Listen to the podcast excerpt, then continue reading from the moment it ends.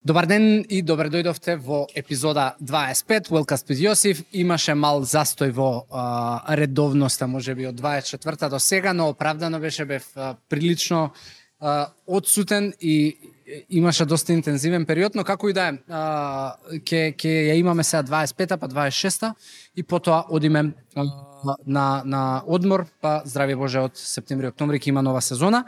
А, овој подкаст е поддржан благодарност секако до до Феникс домовите за стари лица и а, секако секој од вас кој што има а, фидбек некаков интеракција, прашање или било што може да додаде вредност во овие епизоди, бидете слободни да коментирате. А, YouTube, Google Podcast, Apple Podcast, Spotify, сите социјални мрежи, секаде е возможно да го проследите овој подкаст. Уживајте, денеска ќе имаме специјална гостинка која што е прилично возбудена, али ја ви гарантирам дека ќе ќе има супер содржина. А, таа се грижи за моето орално, орално здравје а, и за моите заби и а, е многу страствена за тоа што го учи, за тоа што го работи секојдневно и затоа ви гарантирам дека ќе ќе гледате а, супер епизода и ќе уживате во неа.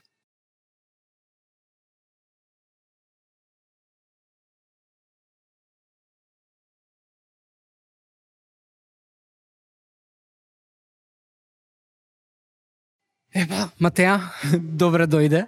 Добро, најдов, фала ти на поканата, на вистина многу ми значи дека мене ме покануваш и дека јас сум тука. Прво експонирање ти ова воопшто. Имаш Инстаграм профил, ама, ама нели, немаш, си немала до сега било каков настап. Никогаш. Н- Никогаш, али верувам А, дека да ова ќе биде ледот. почеток точно и верувам дека ќе се скрши ледот и дека ќе ќе ти звонат од телевизија пошто тоа се случува со секој еден гостин кој што бил на Ау, подкастов. што си Затоа направи? што се се убави содржините, така да а, добре дојде во твојата а, вакво нова кариера како А, Матеа, традиционално а, секој од гостите кој што е на подкастот му даваме време да се представи, да раскаже за себе, само за што себе. учи, а, кој е, што е, што работи, каде може луѓето да да може би комуницираат со тебе, да ги користат твоите услуги и тоа што ти го правиш и да може би им помогнеш на било каков начин. Океј, најмалку што сакам е да зборувам за себе, ама сега ја имам приликата, па ќе сакам да бидам кратка и концизна. А, дипломирав на стоматолошкиот факултет 2018 со еден успешен Еразмус семестар во Словенија.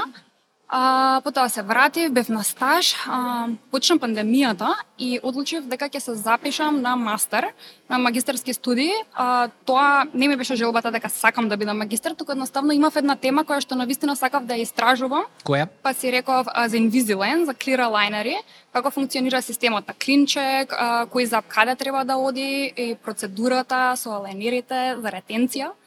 А, и секако тоа сакав некако да го спроведам во некаков труд да го направам и едноставно беше пандемија и неколку месеци не работевме. А, од предходната година сум на специализација на катедрата по ортодонција. А, веќе 4 години работам активно, позади мене имам, а, а, сум работела во две ординации. Во ординација доктор Иванов, а, како обштоматолог, и во ординација доктор Картулица, се до претходната до претходната недела, моментално сум на заслужен одмор и сум во преговори за ортодонска работа парт-тайм и ќе продолжам нормално на, на специализација. Имаме професионален профил каде што ќе можат а, сите слушатели да гледаат за орално здравје. М, А, промовирам исто за а, доста за до, доста имам а, теми за деца, за ортодонција исто така и можат понатака да ме контактираат. Дали тоа се што ќе одиш ти во Барселона на одмор и ќе учиш шпански? Е поради а, преголемата бараност на странци шпанци за да А, работат со тебе или не, не? не, Тоа е твоја љубов. Не, ова е да, дека не можам едноставно да одам на одмор, морам да одам некаде и да истражувам или да одам да аплицирам во нека ординација на пракса или да додам да учам јазик. Едноставно не можам да идам на плажа и да да одмарам. После два дена сум сакам активност, сакам да М, се случува I нешто. feel you. Истиот сум и ја, да имаш ета Така, само ама, ама тоа е проблем, тоа е проблем. Не е проблем, види, тоа е карактер. Знаеш, Да. Да. пошто секој на, на свој начин го знаеш, се одмара и го доживува, баш сај на младен му, му кажував дека а, бебе, шетавме ми изминатиот месец Тајван и Италија и така натаму. Знаеш, од една страна не се одморив, затоа што беше многу интензивно и брутално и, и по саеми и така натаму, кај што Да. нели си си активен, ама од друга страна пак Да. се одморив ради тоа што го сменив секојдневието. Знаеш, и тоа е се, некојаш се запознаваш со луѓе, гледаш нови места, се дружиш, Секојдневието се ти е различно и знаеш и тоа те одмара бидејќи на крај на денот тоа што уморува е, е Рутината. некојаш рутината, Рутина. монотоноста и, и, и некој вртлок што што с- Да. сме сите ставени. Океј, али тоа ќе биде тема со некој друг што ќе разговараме што можеби експерт за одмарање. Да. А, ние толку знаеме. Е сега вака, ајде да се да се нурнеме у тоа што е твојата експертиза и професионалност. А, до сега не сме зборувале во Wellcastов на на оваа тема иако знаеш комплетното здравје е е е, комплетно кога има се. Кога и телото е здраво, кога и емоциите се здрави, mm -hmm. кога и, и духот и, а, и, и и оралното меѓу друго здравје е стабилно. И а, она што еве по, а, иако знаеш во, во тој во тој голем сегмент на wellness, на health и сите нешто а, сакаме да истражуваме и да со цел да добиеме некаков бенефит на на изгледот и можеби во поново време нели на емотивното здравје. Само да Некако, да, оралното здравје некако, знаеш, мислам дека е усенка и у некоја позадина, затоа што најмногу што луѓето посветуваат време во денешни услови е повторно тој прв печаток и како ја ќе изгледам со мојата насмевка и знаеш, можеби посветуваат време да ги белат забите, О, ама не не посветуваат време, не мислиш така? Не, јас мислам дека се ден- многу младите фокусирани на оралното здравје, на исправање на забите, на адултна ортодонција, на естетика, ги прашуваат која е добра паста, која е добра четка, Супер. а, што Гледаш, ја користиш не го знаев тоа пошто не сум Е, не сум тоа не сакав сум да во, знаеш. Пошто ја не сум толку длабоко во Да. оваа тема. Не. Така да ајде еве да, да си почнеме од, од таа орална хигиена, што за тебе значи орална хигиена и, и како човек, еве, кои се можеби некои трикови, насоки, Да. совети кои што ти им ги даваш секојдневно на луѓето за да поретко можеби се соочуваат со а, проблеми со оралното здравје. Океј. Ам, вака, јас прво ќе почнем од основните препарати за орална хигиена. А, ајде да почнеме прво од четките. Многу често пациентите ме прашуваат, добро, дали ако купам електрична четка, а, подобро ќе ги измијам забите и подобро ќе ми бидат побели и по, а, помалку ќе имам плак.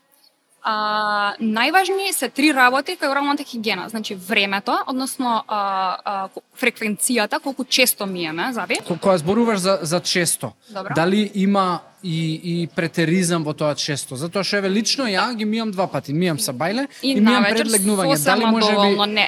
Се препорачува два пати, но не повеќе од три пати. Добро. Значи времето, фреквенцијата, колку време, односно најдобро е да се пушти една песна или некое видео да се изгледа и да се измијат забите, а не тоа да биде сведено на 20 секунди, како што реално многу често се мија. А, Мене, знаеш, и ме замара- најважно е техникот. Ајде, Ме, ајде. знаеш што ме замара кај кај мијање заби? Што што е, многу ми е е работа многу со со Да, рака и со знаеш како да, побрзо сакам да да, заврши. да, да, мануелност. дали дали тоа и може да го спасат електричните четки? Па И дали ако е 3 минути така со електрична четка, ја ќе завршам добра да, работа? ќе завршиш 3 до 5 минути ќе завршиш добра работа. Јас лично а, пациентите знаат и често ме прашаат, добро Матеа, тогаш ти што користиш? А ја имам Curaprox четка со е, су, е, со супер а, софт плакна, Што е каква четка? Curaprox четка. Што е тоа? А, чет, фирма на четка која што ја користам и имам и електрична четка.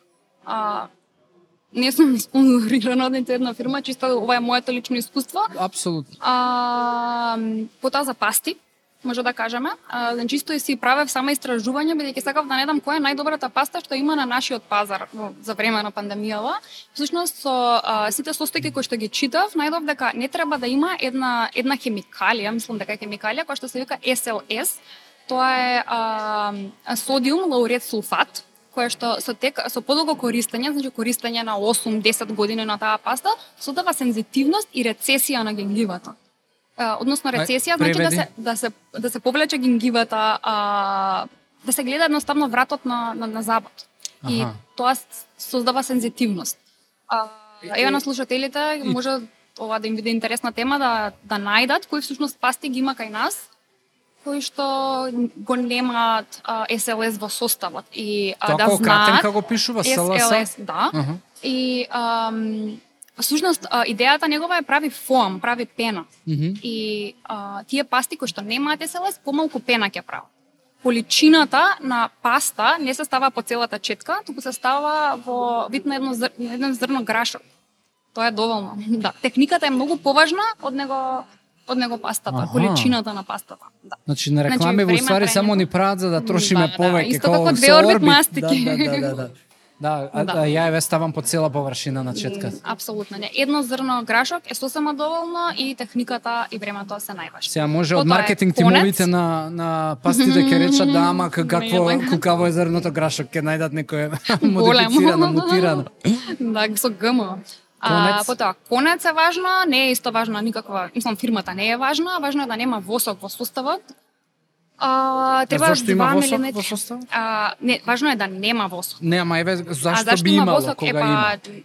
не знам, треба да ги прашаме фирмите. Идејата е да кога ќе влезе интердентално помеѓу забите а, конецот, да влезе 2 мм под сулкосот. Значи се додека ти дозволува тебе сулкосот да влезе, да да влезе месо конецот, Мгм.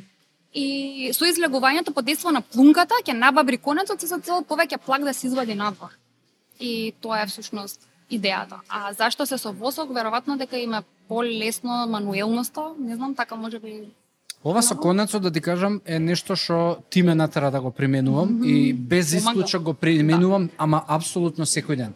А, на, пошто е, мислам, стварно ми е веќе влезено во а, навика. четката и пастата, односно четката, а, не а, чисти 60 до 70%. Техниката толку го чисти плакот. Мгм. Су, а, конецот влегува на места каде што четката не може да isчисти. Добро, и дали конецов е филозофијата на, на а, работа со конец е да го извади плакот или да извади го остатоци од храна? Да, па плакот и остатоци од храна. А То- што, тоа е исто. што се Плакот е случува? ист, посит, по, поситни остатоци од храна. Аха, тоа е плак уствари. Плакота, да. Аха. Не го знаев.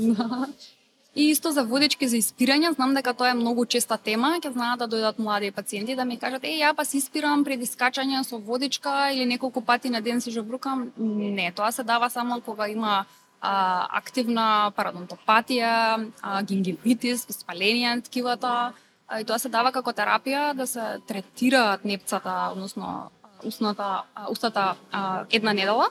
Тоа е тоа. Ја не, не знам зашто на вистина се продава така на секаде листерини, сите останати води за испирање. Види, едноставно е Ама, зашто? едноставно. Затоа што тоа е убав Да. бизнис на крај на денот. Ама Види, хлорхексидин има, тоа е една состојка која што не смее да се претера со неа. Ја, јас лично не, не користам никаква водичка за испирање. Ние ја даваме како терапија. не е ниту замена за четкање, ниту за Не е конец, за замена ништо. читкање. Не е замена за читкање.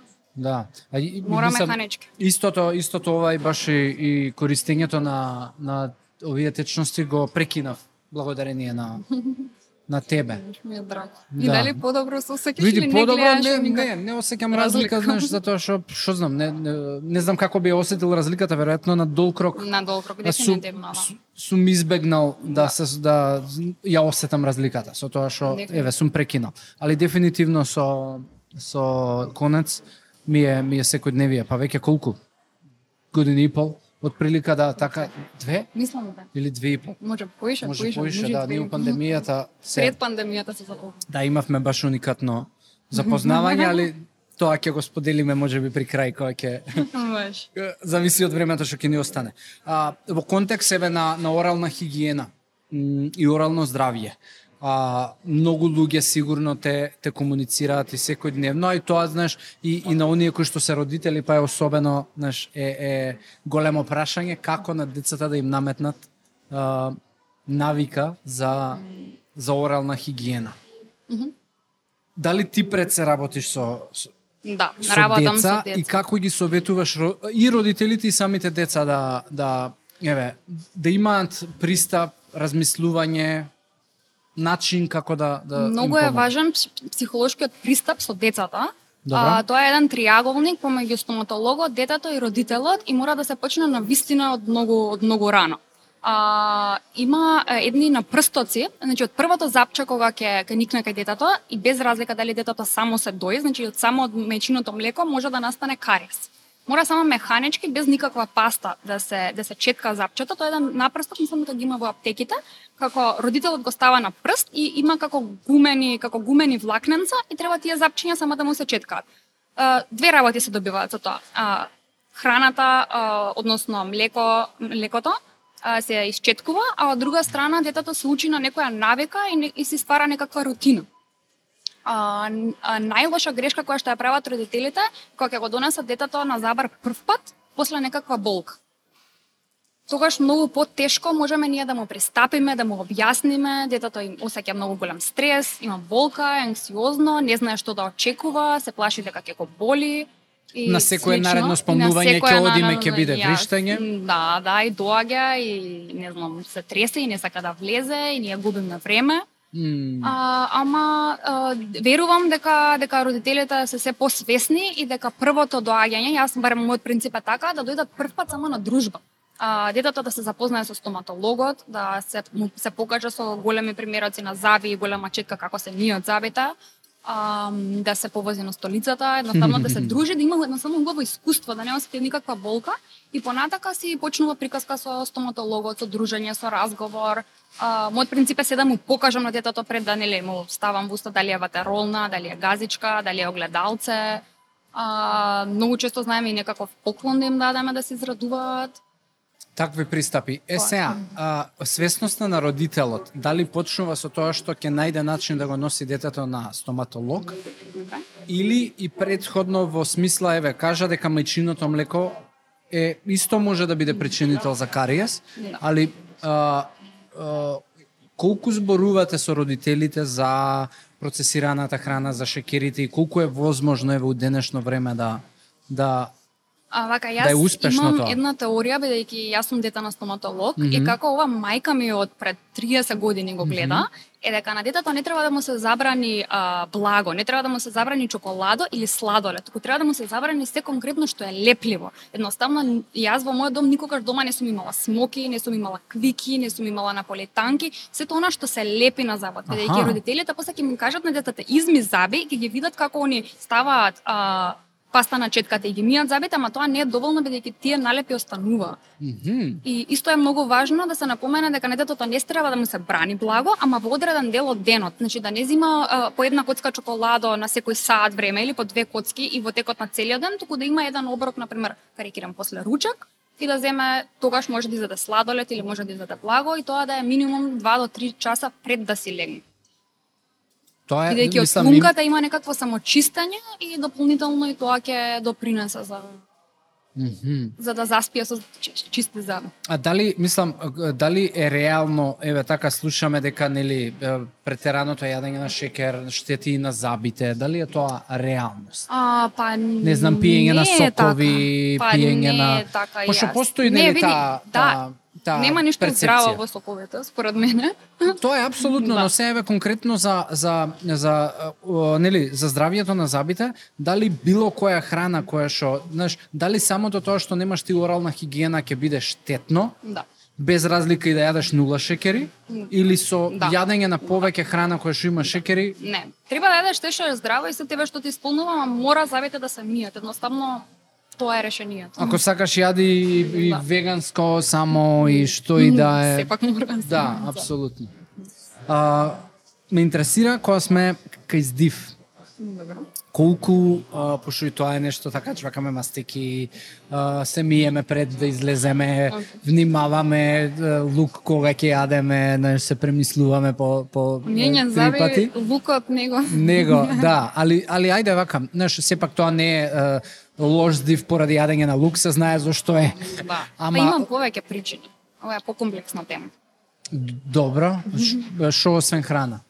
А, па може да има, не знам, жел- желудечен рефлукс. Мада може да биде и плакот, и джебови, може да бидат а, топење на коската, задршка на храна во тие джебови.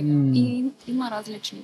Ја гледав една зашто еден конкретно сакаш да ме прашаш? Не, гледав еден документарец кај што викаше дека, знаеш, ако а, кога ги четкаш забите е доколку ги, го исчеткаш и јазикот, Мгм. ќе да ќе имаш многу подобрување во квалитетот на здивот, ради тоа што на јазикот живеат многу бактерии Вистина тоа. во да. текот на денот преку храна и така натаму кои што може да придонесат за Да, за лош е, здив. треба. Да, има некои четки специјални што од другата страна на на влакненцата Мм. имаат како силиконски боцки и со тие исто се се, се Да, да, да, ја вртам обично Не, па е. од задна Да, страна четката и, и, и функционира. Да, е па ета. Ali ти сакаш да Да. кажеш дека тоа не е единствената причина за Па лош не здив? е единствената причина, зависи од возраста, зависи од состојбата, дали пациентот е комплетно здрав. По принцип тоа е многу индивидуално. Некој да дојде и да ми го каже тој проблем, знаеш, ќе почнам јас да истражувам од каде може тоа да да да, да прерасне. Добра. А, исправање на заби е нешто што така ќе биде или такозвана ортодонција е нешто кое што нели е твојата а, на почеток. врвна љубов а, и, и, и таму и, и, и тоа сакаш да го правиш до крајот на животот, барем сега. а, кога еве, пошто ја јас сум исто сведок на, мислам, моите родители а, не носеле на стоматолог, сум носел а, јас носев протеза на вадење. Мобилна протеза. Мобилна протеза. Добро. Да, добро. Ме поправи. А, неколку години сестра ми носела и фиксна. А, и тоа сме го решиле некаде, ја сега не знам точно, пошто да, чим многу малку се сеќавам, значи с- у рана возраст, ама да, било во основно училиште. Кога е, кога е а, најдоброто време Прв пат да се посети ортодонт. Предпоставам. Да, и, и да, да се работи на исправање на заби, за- затоа што, знаеш, нели, и забите имаат своја еволуција, во која што... и во развој. Значи вака родителот треба да знае дека прв пат треба да го однесе своето дете на промена на млечните заби во трајни, односно инцизивите, предните заби кога ќе почнат да се менуваат, тоа е на 7 годишна или 8 годишна возраст. Во зависно детето дали има рана или поддоцна дентиција. А, тогаш се прави а, расположливиот простор се мери, односно ортодонтот треба да знае дали има простор секој заб да се смести на, на, на неговото соодветно место. А, има интерцептива, значи многу треба да се свесни сите родители дека децата нивни може да имаат некакви лоши навики од типот на сигматизам, цицање прст, многу долго Што е цицање тоа првото што го кажа? Сигматизам кога сскаат децата. Аха. Кога го интерпонираат јазикот напред и всушност јазикот е најјакиот мускул во организмот и го интерпонираат јазикот и имаат некако вид на отворен загрес. Е сега не знам дали ово го објаснувам или Да, доста те стручно. разбирам.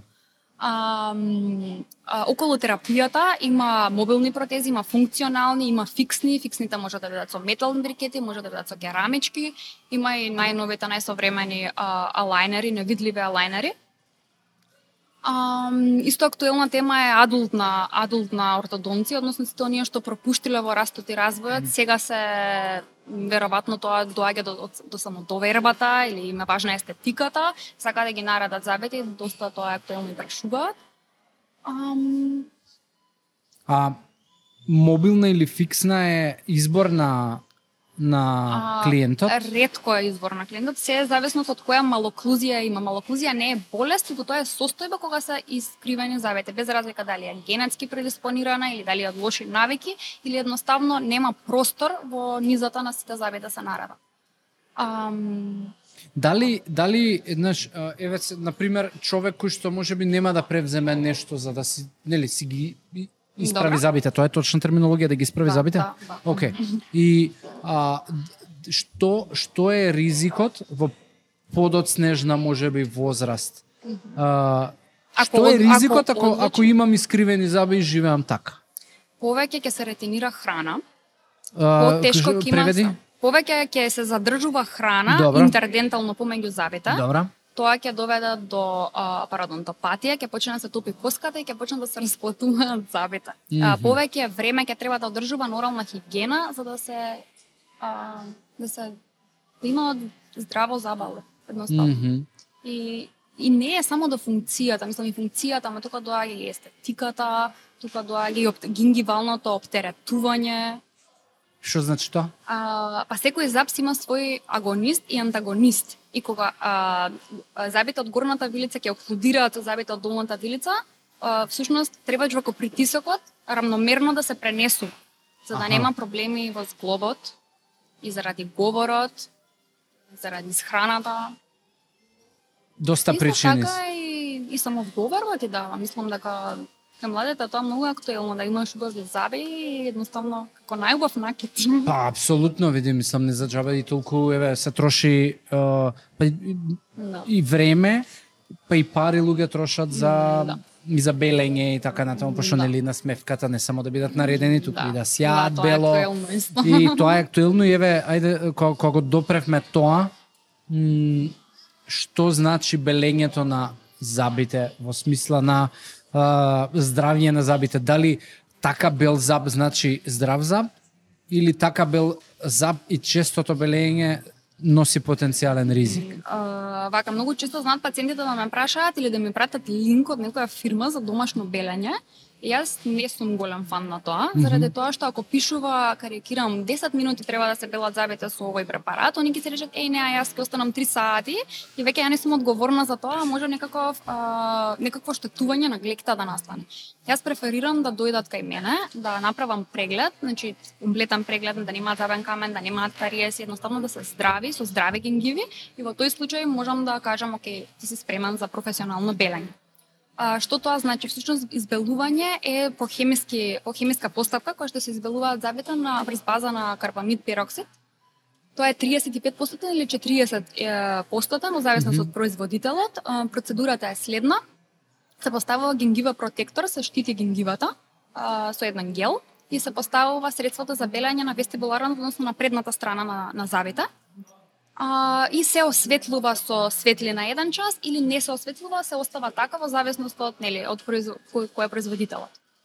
А, мора да се потенцира дека треба да се има да има се има пациентите некаков режим после тоа, а, односно се она што би капнало на бела мајца да не се конзумира, од типот на цвекло, а, еспресо, балсамико, а, тоа треба да биде некој сигурно две недели, многу да, сигурно две недели. Да. И а, исто така може да имаат и сензитивност. Искрено јас бев првиот пат многу љубопитна. Јас не сакав толку да ги избелам забите, колку што сакав јас да имам чувство, да го знам тоа чувство како е, за да знам да им објаснам на пациентите.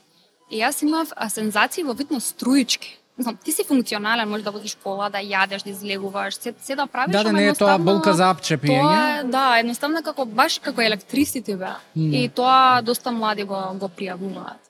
А дали е, мислам, подобро е А, белењето на заби еве во во да го прават во Добра. во ординација? Да, јас така А- мислам заради тоа што јас знам што сум направила и јас сум одговорна.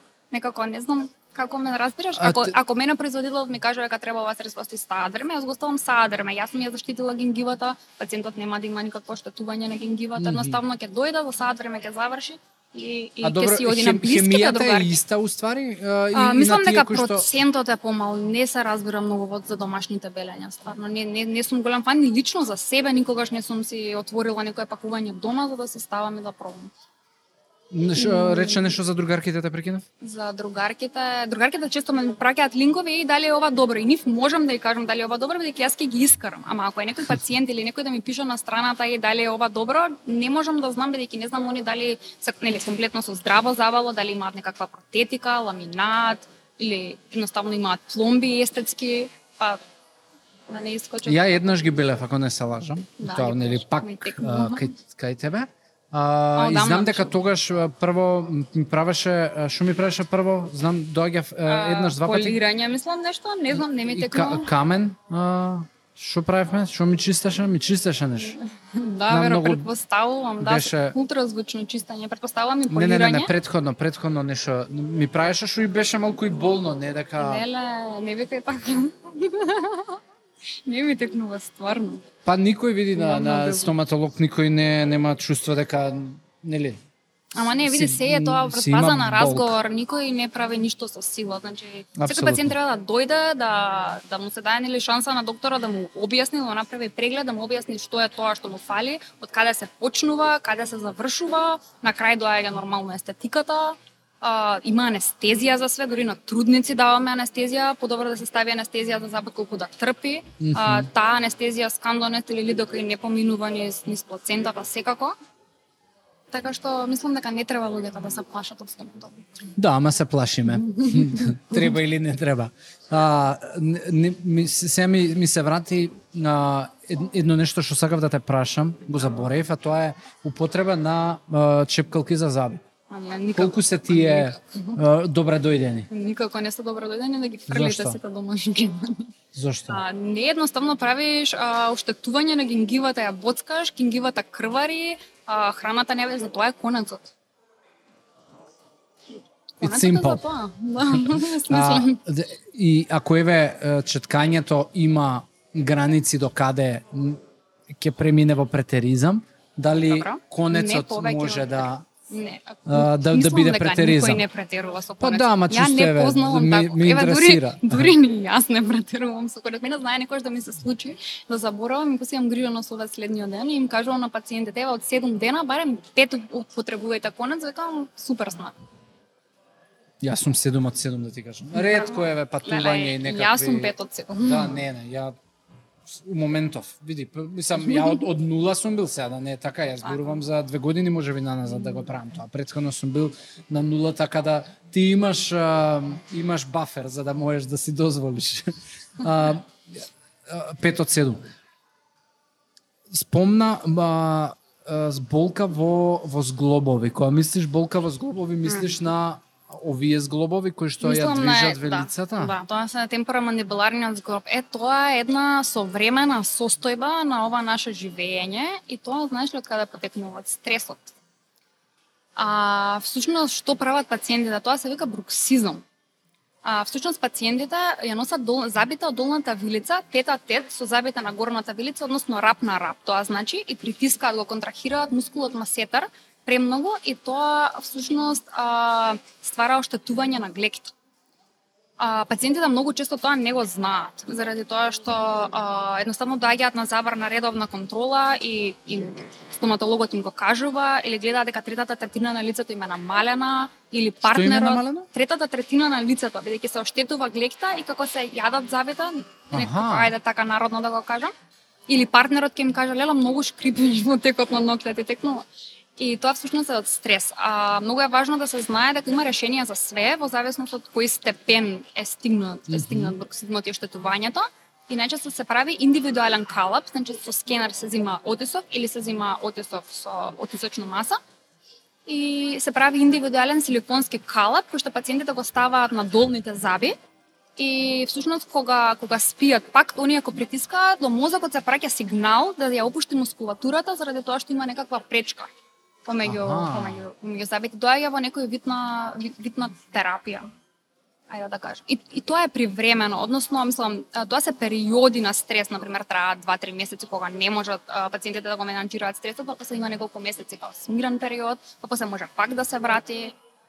Мислам, идејата е менаџирање на стресот, Да, ама сега оглед не дека можеш види али да, али добро е ова што го зборуваш затоа што со оглед на тоа дека а, еве статистички гледано а, Gen Z а, и millennials се многу по а, анксиозни се. и, и, Ама и мозокот врти и додека спиеш, се, се грижиш, сакаш да имаш се да ти биде подобро да напредуваш, да вежбаш, да јадеш, да излегуваш, да работиш, да и, и мозокот бруксизам е диагнозата веќе. А па да, оштетување на глекта, да.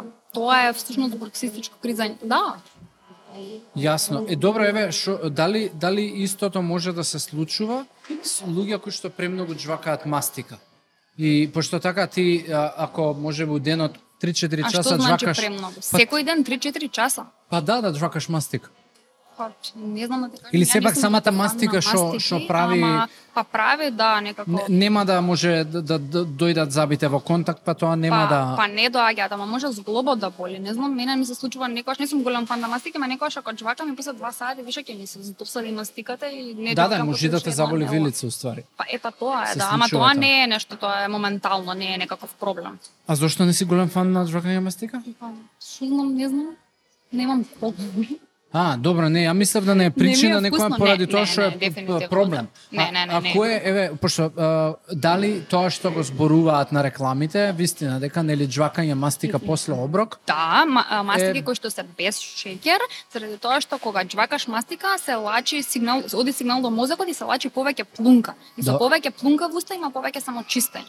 Исто така може со, не знам, морков или со зелено јаболко да се касне после јадење. И тоа има некако битна Значи, на уствари не е дека у мастиката има нешто што Не, ти не. помага, туку тоа е Туку само... организмот ти лачи плунка. О, тука е филозофијата. Исто, например, ако- ако ни текне на лимон, и одма кога ќе ти текне на лимон, почнува поише плунка ти се лачи. да. Така е.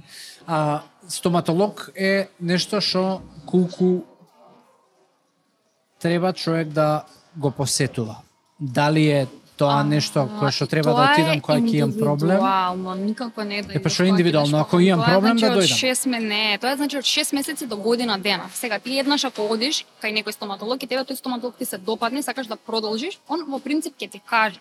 Првиот пат кога одиш дали треба неколку пати да го посетуваш да си ги завршиш тие следни а, ајде да кажам проблеми да ги решиш. И понатака обично на 6 месеци до година. А, ако си има некаков проблем, значи почетна пародонтопатија или напредната пародонтопатија или пациенти со импланти или пациенти со фиксни протези, значи они треба доста почесто додат. Ама во принцип треба еднаш годишно да се посетува нормално и да се нема никаков проблем. Мислам, кога си има проблем, више работата отишла. Да. Има решение за се. Апсолутно. Значи во стоматологијата има решение за се, ама зашто да не биде кога не е болно? Парадентопатија е Пародонтопатија. паро, добро, тоа е а, Заболување на подпорниот апарат на коската. На алвеоларниот гребен. Значи, кај не знам да го објаснам поедноставно.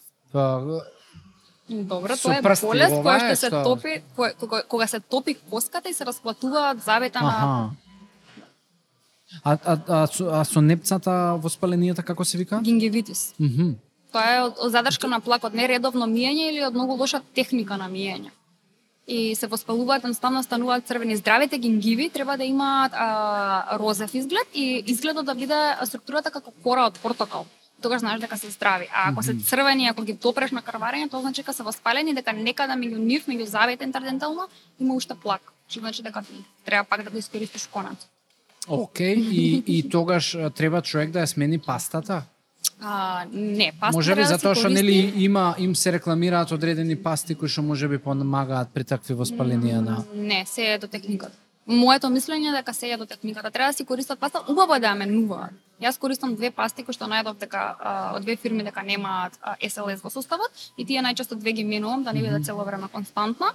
Ама Ма тоа е како твоја некоја да, филозофија, не, не е дека Сега немаш 13 пати истата четка. Мислам, веле ќе ти се досади Не, не, апсолутно. знам. Не, не, зборувам за, знаеш, ја конкретно за пастиве сета сакав да, да, да те прашам дали менувањето на пастите ќе направи нешто кај забите Не. или тоа е чисто онака твоја Не. а, може би Четка се менува на 3 до 4 месеци. 3 месеци е максимум. Мгм. А пастата тоа е И кога зборуваме за техника, што значи добра техника на на миење да се на заби? масира и гингивата секогаш за да има циркулација. И да иде да, да се оди со кружни движења, да се оди и оклузално и од напред и да се гризне и да се мијат забите и да има кружни движења. На децата им кажуваме а долните заби се четкаат како што расте тревата, а горните заби како што паѓа дождот. А, а Така добро, и еве ако видам крв на четката? А, тоа значи дека имало плак и дека не треба да се обесхрабруваш и да измиеш пак уште еднаш за 3 Аху. сати и ќе биде се окей. Добро, ама тоа е и во а, Ама немој само а, многу да биде ја верувам дека техниката порано- е важна, не само силата. Многу пациенти доаѓаат исти силата, стискале, стискале со цврсти, со цврста четка некоја Е па е тоа, знаеш, ја- порано сметав дека колку е не. четката, кога нели поише Ама бразија ќе се направи од штетување на штетување на глекта и не едноставно болка ќе се создава. Четката уствари треба да биде пренежна, така и Нај, мек. најмногу нече и многу влакна да има, за да всушност моци кога ќе се притиса да влезе во су- во сулкусот, се тоа да го отстрани и што не се гледа. Дали дали е, има а, а, навики во животниот стил кои што го го да кажам убрзуваат тоа воспаление, односно гингивитис. А, гингивит, не мислиш на парадонтопатија. А, па јас мислам дека почесто во некои во некои фамилии, ама во принцип со со многу добра хигиена и редовно посетување на стоматолог тоа може да се заустави дефинитивно. М, А што е со пушењето? Цигари? Што да ти кажам за тоа? Ја не сум пушач, јас сум многу против цигари. Не, конкретно еве на забите, освен со тоа што нели а, пожалтуваат, тоа е тоа е факт. Да, А, добро. дали дали а, и, и дефинитивно пушењето на непцата апсолутно им штети. Ама конкретно а, ма на- цигарите знаеш дека прават вазоконстрикција. На пример, тие пациенти кои што пушат на пример една кутија на ден, Мгм. која константно 20 години доаѓаат и ни викаат да мене не ми крварат непцата и ако престанат да пушат, всушност ќе почнат да им крварат непсата. Така Зашто? што вазоконстрикција као вазоконстрикција а, се, се случува од цигарите, од никотинот. Ама не, ај по по народски што е вазоконстрикција? Знаеш дека не знам како ти обяснам као контрахирање на на крвотокот за да не крвари а, да не крварат а, непцата од од никотинот. Мислам тоа тоа тоа е. И оние ако престанат да пушат, всушност тогаш ќе почнат да да, да им крварат повеќе. Значи сега ние им дававме они оправдување на да пушачите дека не треба да престанат. Гледаш ќе си направам проблем, ќе почнат да ми крварат немцата. Па добро, тоа ќе се реши. Да, да, ама е добар изговор. А, а на, на забите конкретно нема а, не не прават некое некое некое не знам. прават повеќе пигментации, повеќе Да, да мислев од естетски само само секако не аспект, а, нели прават проблем. Мислев да не, знаеш, да, да, не, не, не прават проблем на оној начин кој што може да направи храна, која што ќе заостане. Да, Така? да, да. Храната кој што застанува поголем проблем прави дефинитивно. Добро. И ти, а, ајде, ај вака да речеме, а, Да. Ако зборуваме за миење наутро Добро. и миење навечер, Добро. а, кога е оној трет максимален а, а, дозволен број на миење на заби? Кога е можеби најдобро да да се случи? Као во средина ден на ден или Па, после да. можеби оброк Па, као што е ручек? Не, не Главен после оброк. Може во средина на денот, ама сосема е доволно. Мислам дека во рутината на секој е само се бајле кога ќе стане да измие заби, едноставно да го почне денот и навечер пред спиење дека е сосема доволно. Никаде не се препорачува повеќе повеќе три пати ден, трет пат, не знам, некаде ако треба да се оди специјално или нешто да се случува. А зошто не после оброк? Па не знам, јас не практикувам никогаш после оброк да измијам заби. Веројатно ми е вкусна храната и сакам да Не, оти се и мене ме замисли, знаеш, затоа што еве да речеме која уствари ја после оброк не сум четкал заби или или ги мијам така ги миеш на сабајле каш Сосема е доволно, бидејќи знаеш, четката знае да биде абразивна и дека во секој продукт што го ставаме на нас, дали е шампон, маска за коса, крема за тело, за лице, и да е некаква хемикалија. Така што колку можеш да го да го намалиме, да ја намалиме апликацијата, јас мислам дека дека е подобро. На вистина само доволно два пати. А каде ти одиш еве на на стоматолог? Како како еден стоматолог се грижи за своето орално здравје?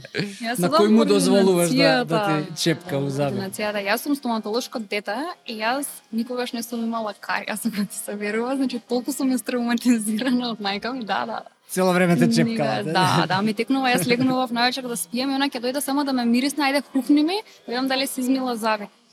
И едноставно дома немав никакви лепливи работи да јадам, исто им беше важно да мајка ми да им каже на баби и на дедовци дека исто и кај нив не сме, а не они да ме третираат различно. И А, Кариес е најсреќаваното нешто кое што еден стоматолог го го има во, Лак с- во својот кариес, професионален живот. стоматолог, мислиш пациенти? Пациенти, да. Мислам, Па, у секојдневната најчесто, работа највеќе секојдневната работиш со работа кариес. со кариес, да, да. Чистење забен камен и кариес, јас лично работам доста и со деца. А, Колку се тие две работи поврзани? Мислам, може глупо спрашувам, ама као дали Па се поврзани, се поврзани. Види, некој што има супер орална хигиена, некојаш може да му се случи да има кариес. Апсолутно. Така што не е крај на светот, има решенија за се. А како изглежда како настанува кариес? Што што Од подразбира? плакот, плакот бактериите, Добро? кои што остануваат, значи пак има бактерии во устната празнина кои што се нормални жители. Апсолутно. И они всушност го јадат плакот кој што ќе остане од неизмиените заби и преку тоа составаат киселина и така настанува од а, деминерализација на глекта. Глекта, односно емајлот, е најгорниот зап на најгорниот слој на Мгм. mm настанува деминерализација и всушност почнува да се разјадува. и да напредува, потоа доаѓа до дентино, дентинот веќе станува посериозно и да не стигне до нерв, додека пациентот не може да издржи болката и мора да оде истиот момент на, на стоматолог. Фасцинантно. Добро, фасцинантно, да. А и, и секогаш е, мислам, и кариесот е с- визуелно човек, еве, ти у твојата работа само визуелно можеш да го детектираш кариесот или може некогаш Па, и да го нема визуелно, а да ако отвориш зап да да се Па, си имаме ние техники, може и тоа, ама Мгм. си имаме ние техники на рентгенско снимање, на пациентот, например, ако се пожали, ако користи конец, и ако се пожали дека некаде му се кине конецот, значи тоа е две причини. Или таму има забен камен со некој поздрав врв, или едноставно има кариес каде што му се кине конец. И тогаш, Аха, а, која ќе- се обидува да го извади од, Да. од, од забот се да. кине. И а, ако не иде смут, Па добро, не би требало Значи тоа да го боли и да не запиња толку, пошто а, боли, така. а, ако е длабоко, ќе боли. Може да имаш кариес, а да не те боли. Озбилно? Аха, ова не го знаев. Ја секогаш мислев дека кариес по дефолт ако го имаш ке те боли. М, На дали Не. на допир, дали на топло, на ладно. Зависи до кој степен е напреднат, зависи до кој слој на забот е навлезен и зависи каква сензација ти дава. И со различни диагнози, може да те боли на ладно, може да те боли на топло, може да те боли само на жваков притисок, може да те боли на... М. А, А, Ама мислам дека не е многу интересна тема за болка, вака не, не, не сакаат многу да им објаснуваш пациентите за, за болка. па види, да, ама е, е, е, е се реалност, е па, реалност. А, а, кога сме кај температура и топло-ладно, Добро. О, што значи за забите а, премногу ладно и обратно премногу топло? Дали дали е проблематично или само е проблематично ба, премногу Па, јас промена мислам дека не треба да се оди во никакви крајности. Сега знам дека многу луѓе пијат кафе кој што е врело и тоа не е крај на светот, Мгм. ама не знам или ладен, на пример ладна вода. А, мислам дека кај младите тоа не е некоја тема, не ја размислуваат додека они немаат некаква сензитивност, дека не би требало да има проблем. Единствено може да е сензитивно кај тие што имаат потенка глек, едноставно генетски предиспланирано и едноставно ни сакаат со млака вода да си ги мијат забите наутро. Ама не е тоа нешто да се смее, да е дозволено или да не се дозволува. Не знам, тоа Да, да, не, чисто, знаеш, онака, мислам, ме интересира затоа што, нели, кога, као, као деца порано, нели, ти, ти забрануваат не пи ладна вода ради грло, знаеш, и Аха. дали, дали има такво Не, некое не. правило кое што ти вика, «Е, не пи ладна е. вода и ради забите, или не пи Ова е премногу врело ради забите. мислење, ама не, не. Океј, еве, ако пијам, а, а, дали имаш трик, Ајде. ако пијам, а, а, тоест, и ако јадам нешто жешко, често ми се случува да се Добро. испогорам, Добро. А, кој е може би најдобриот Да начин да да да, не од кој ќе веќе кој ќе кој ќе си Кој ги пропастам непцата. Аха. Има има начин не, како ништо. да си најбрзо нај, најбрза ревитализација има мислната празнина. На пример ако се вош, ако се, се повредиш на кожата, Мгм. тоа поспоро заздравува. Нај, најбрзо заздравува било каква рана во устната празнина. Зошто? Пошто вајде многу веројатно малтретираме. Природата, природата Многу има така храна, така удено од потрудила. вода и А, ај бака, а, херпеси Мгм. во во Добро. а, се појавуваат, мене никогаш не ми се мислам дека не ми Ма се треба појав- да го имаш вирусот за да ти се експонира. Тие што имаат херпес, они, они во, нив го имаат вирусот и се експонира при стресна некаква ситуација. Аха.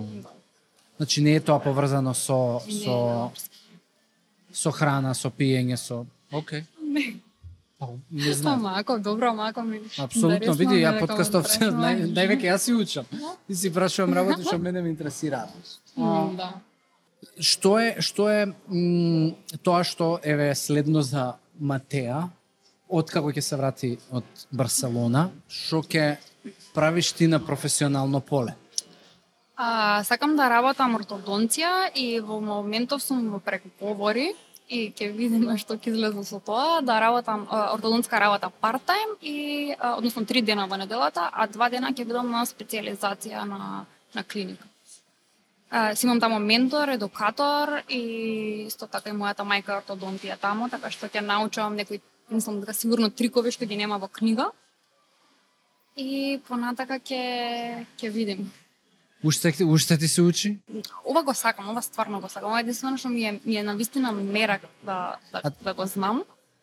А, А добро специализацијата Идејата за моето запишување на стоматологија и специализација ортодонција беше да отворим ординација со мајка ми, ама тоа ќе биде се надавам понатак. Зашто? Сега ми уште па треба да сум јас спремна, треба да имам доволно пациенти, треба да знам да си ги водам сама пациентите, да сум самостојна. Па ќе го научиш the да go. отворам на 27 години. Па добро. Да, ќе бидеме не цел живот и учиш и се надоградуваш.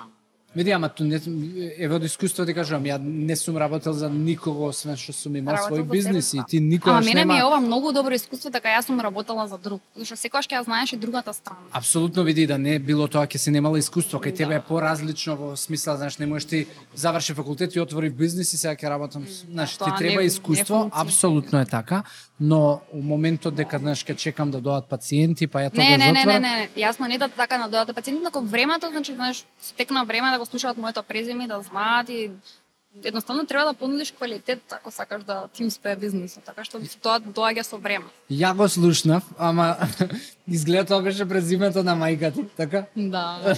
Али Па предпоставувам, не знам што точно си што- слушнала. Апсолутно не жалам.